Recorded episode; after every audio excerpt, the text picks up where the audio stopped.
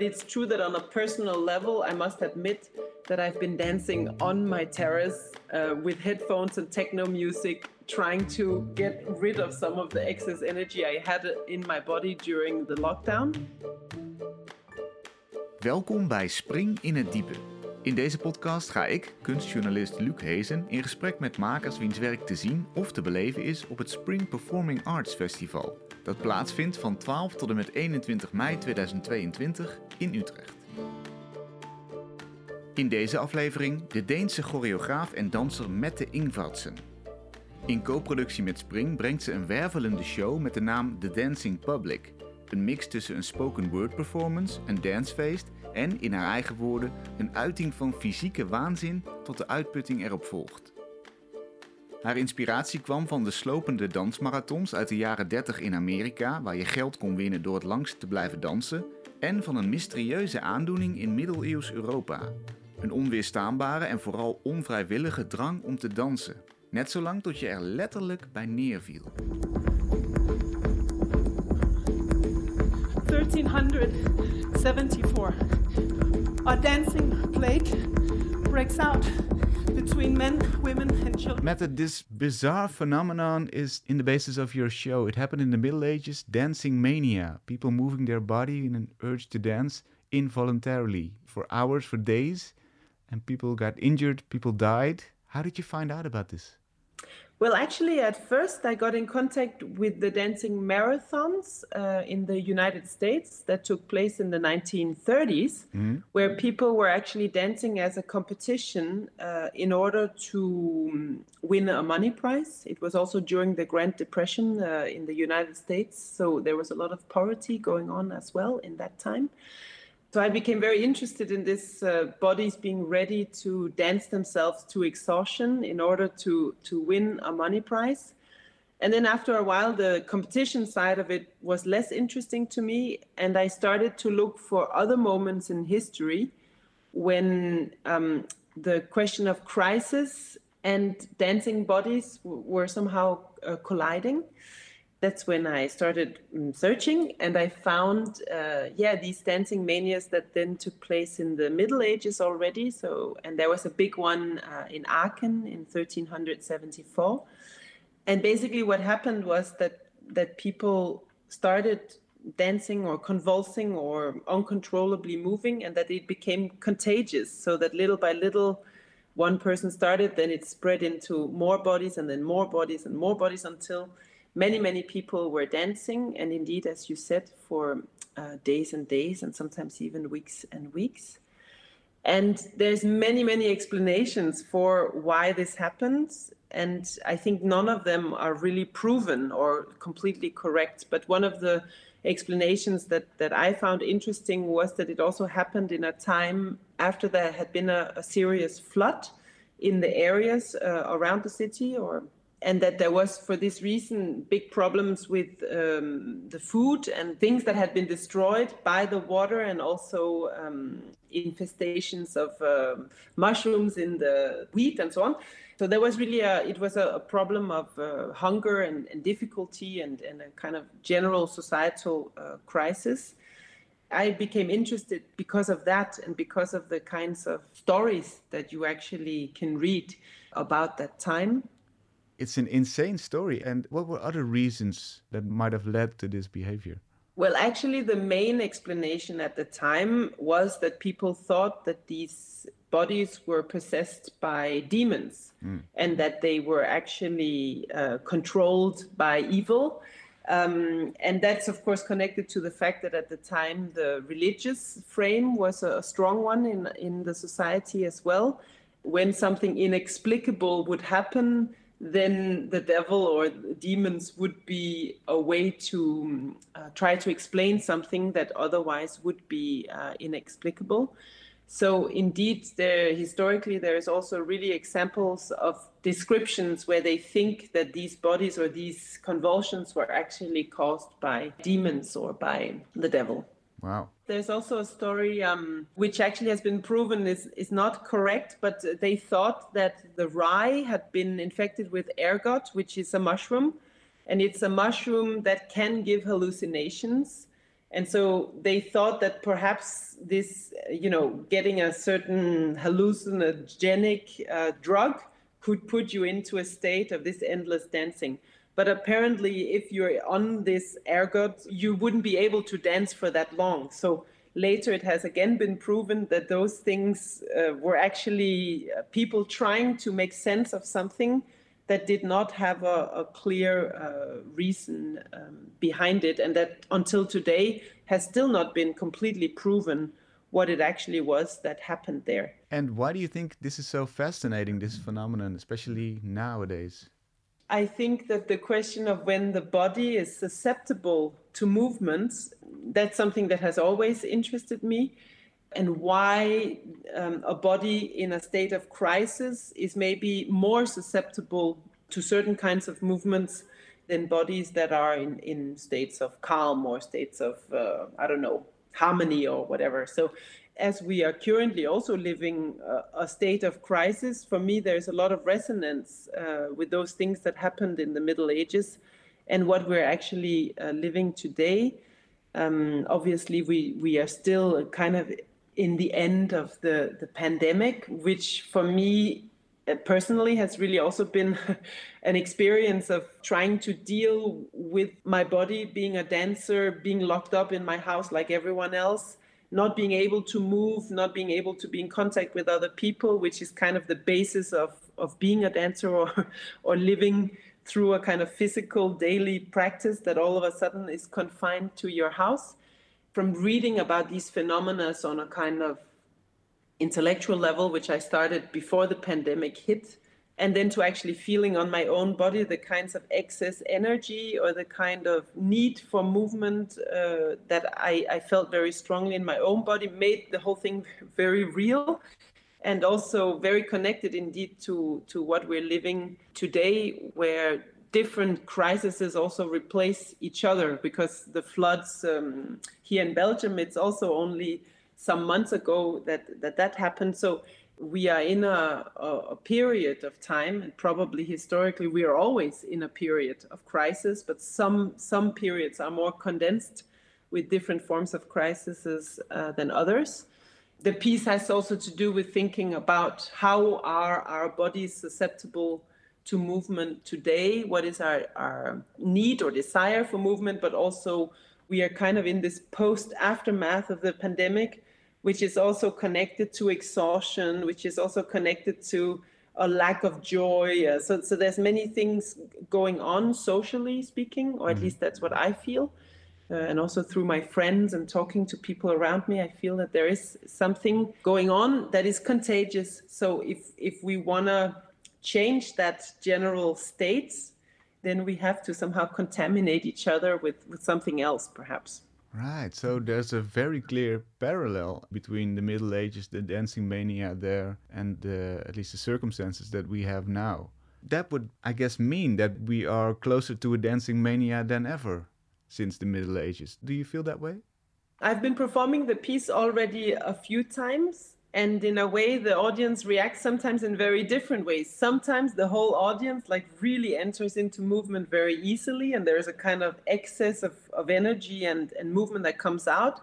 And in other moments i feel that people are like oh whatever she has i don't want to get it. And there's a more reserved way of, of observing or watching which is also fine because the performance is in, indeed about bringing these historical narratives into the present and seeing how together we can invest in a social space because in the performance the the audience is also standing and you can actually move and you can also move with each other. There's actually also a part in the piece which is really for the audience to dance in. I don't know if we are closer than ever to a dancing mania but i feel like there is a resonance with what happened and what is happening now that is very strong. And also, um, I've been reading this book by a, a woman called Kélina Gotman, and she describes a kind of historical and discursive development of dancing manias. She did a huge research, very impressive.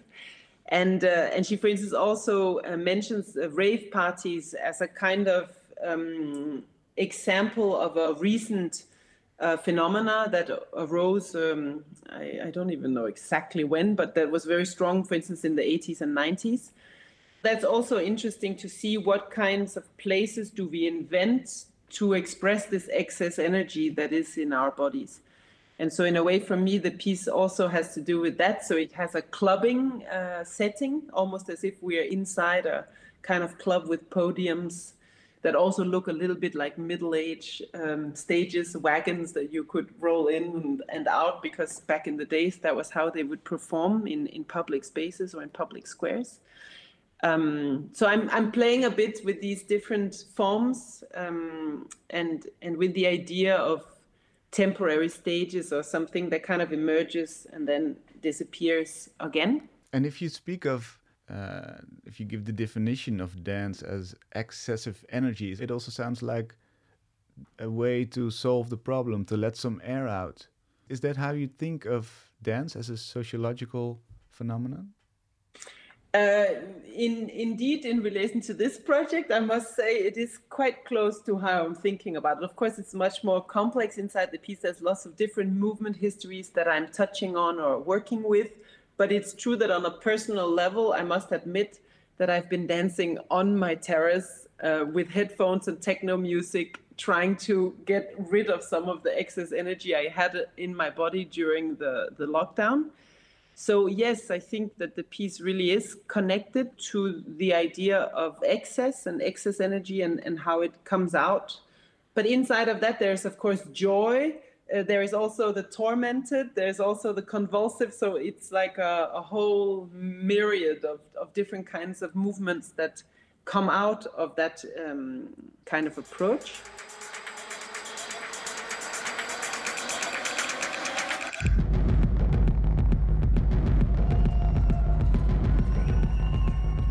I've read descriptions of dancing manias and sometimes the bodies would start barking or all of a sudden do like as if they were birds or as if they were animals um, there's also uh, descriptions that are connected to the French um, doctor, Dr. Charcot, who is the one who invented hysteria. And he actually became interested in the dancing manias of the Middle Ages too, because he saw kind of connection or a relation between how his hysteric subjects were acting and then how the descriptions of the middle age uh, choreomanias or dancing manias were described. So that's also very interesting that in history there's lots of different moments where this excess or uh, unusual or unlogical um, behaviors of bodies gets pathological, uh, like made into illnesses. You know that we we can't understand why does a body need to do this, and then we somehow invent um, an explanation. And as we know, uh, hysteria doesn't actually exist as a pathology anymore. So this was also very much a way of of trying to understand or trying to reason with movements that are somehow coming from another place, a place of excess, a place of desperation, a place of um, maybe also a place, place of resistance in the case of the, the female subjects who were uh, being diagnosed with hysteria. And I think the interesting thing is after this lockdown, I think we've been awake from our hibernation for a few months, let's say. There is no mass hysteria when it comes to dancing. I would have expected that everyone would be dancing every weekend and, and find large crowds to dance together in. But it seems, at least in my own bubble, that people are still hesitating whether they, they can do this, whether they want to do it even. Yeah. I must say, I have been at at least one party that was crazy and great. But you're right. I think you're right that generally speaking, um, there is a kind of carefulness that has installed itself. And I must say, I always think twice before going into a context with many people and also this having worn masks like all everything we've been through i think in a way we should not underestimate that doing that for two years it, it has an impact on your habits and the way you behave with other people. And so in a way i also like the idea to think about the theater as a place where we can come back together and where we can experiment with how to be together. And it might not be successful in the first try but there is a there is a potential, I think, for the theater to be a place where we can relearn or reteach ourselves to to be together and also to dance together and also to be in more excessive states together.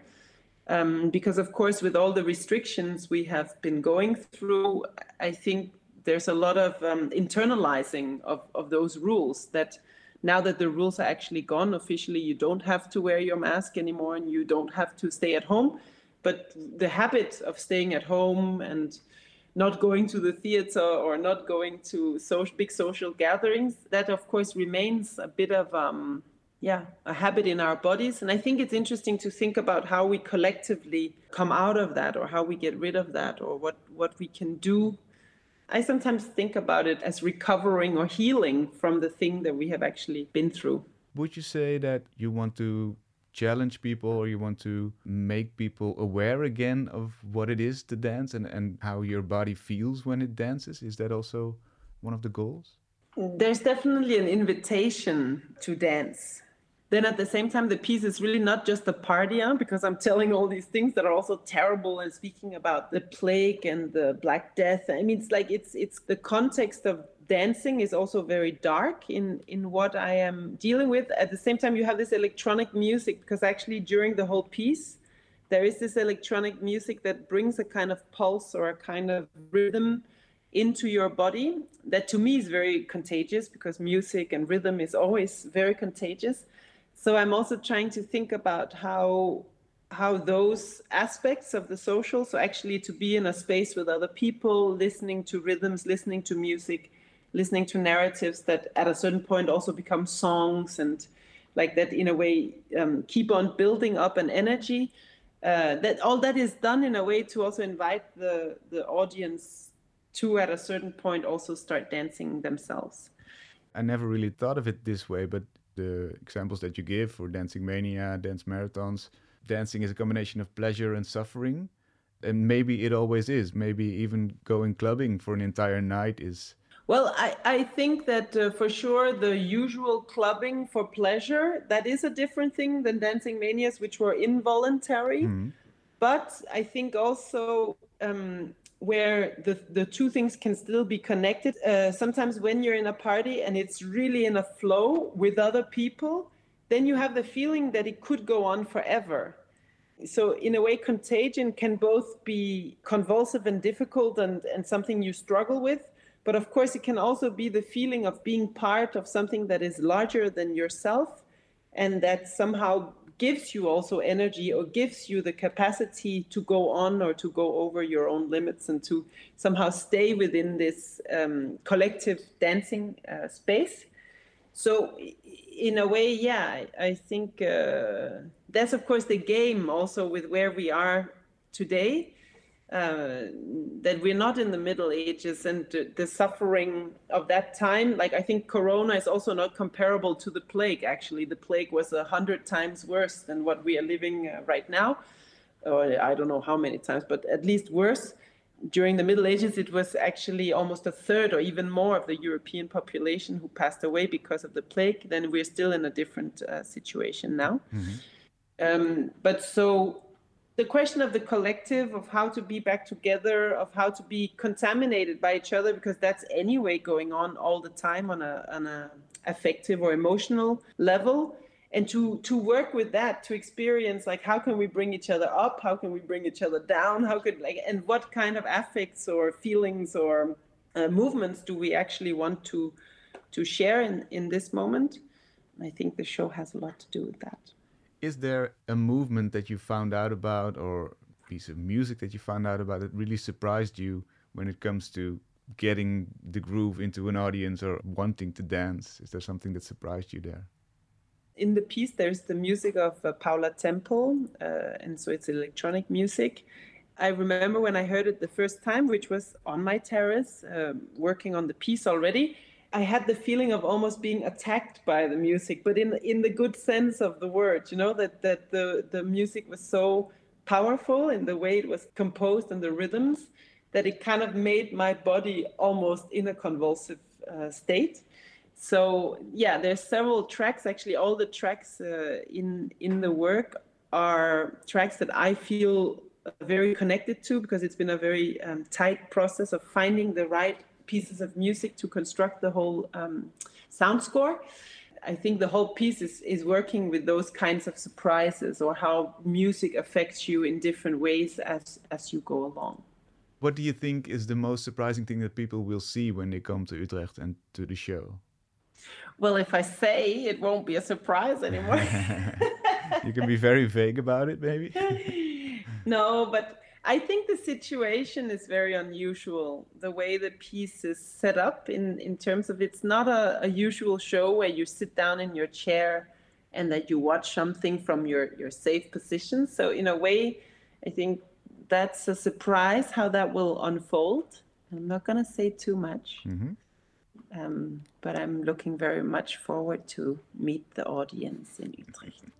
okay, thanks a lot, Mette. You're welcome. Thank you. Je kunt de voorstelling The Dancing Public zien op Spring, dat plaatsvindt van 12 tot en met 21 mei 2022 in Utrecht. Kijk op springutrecht.nl voor tijden en tickets.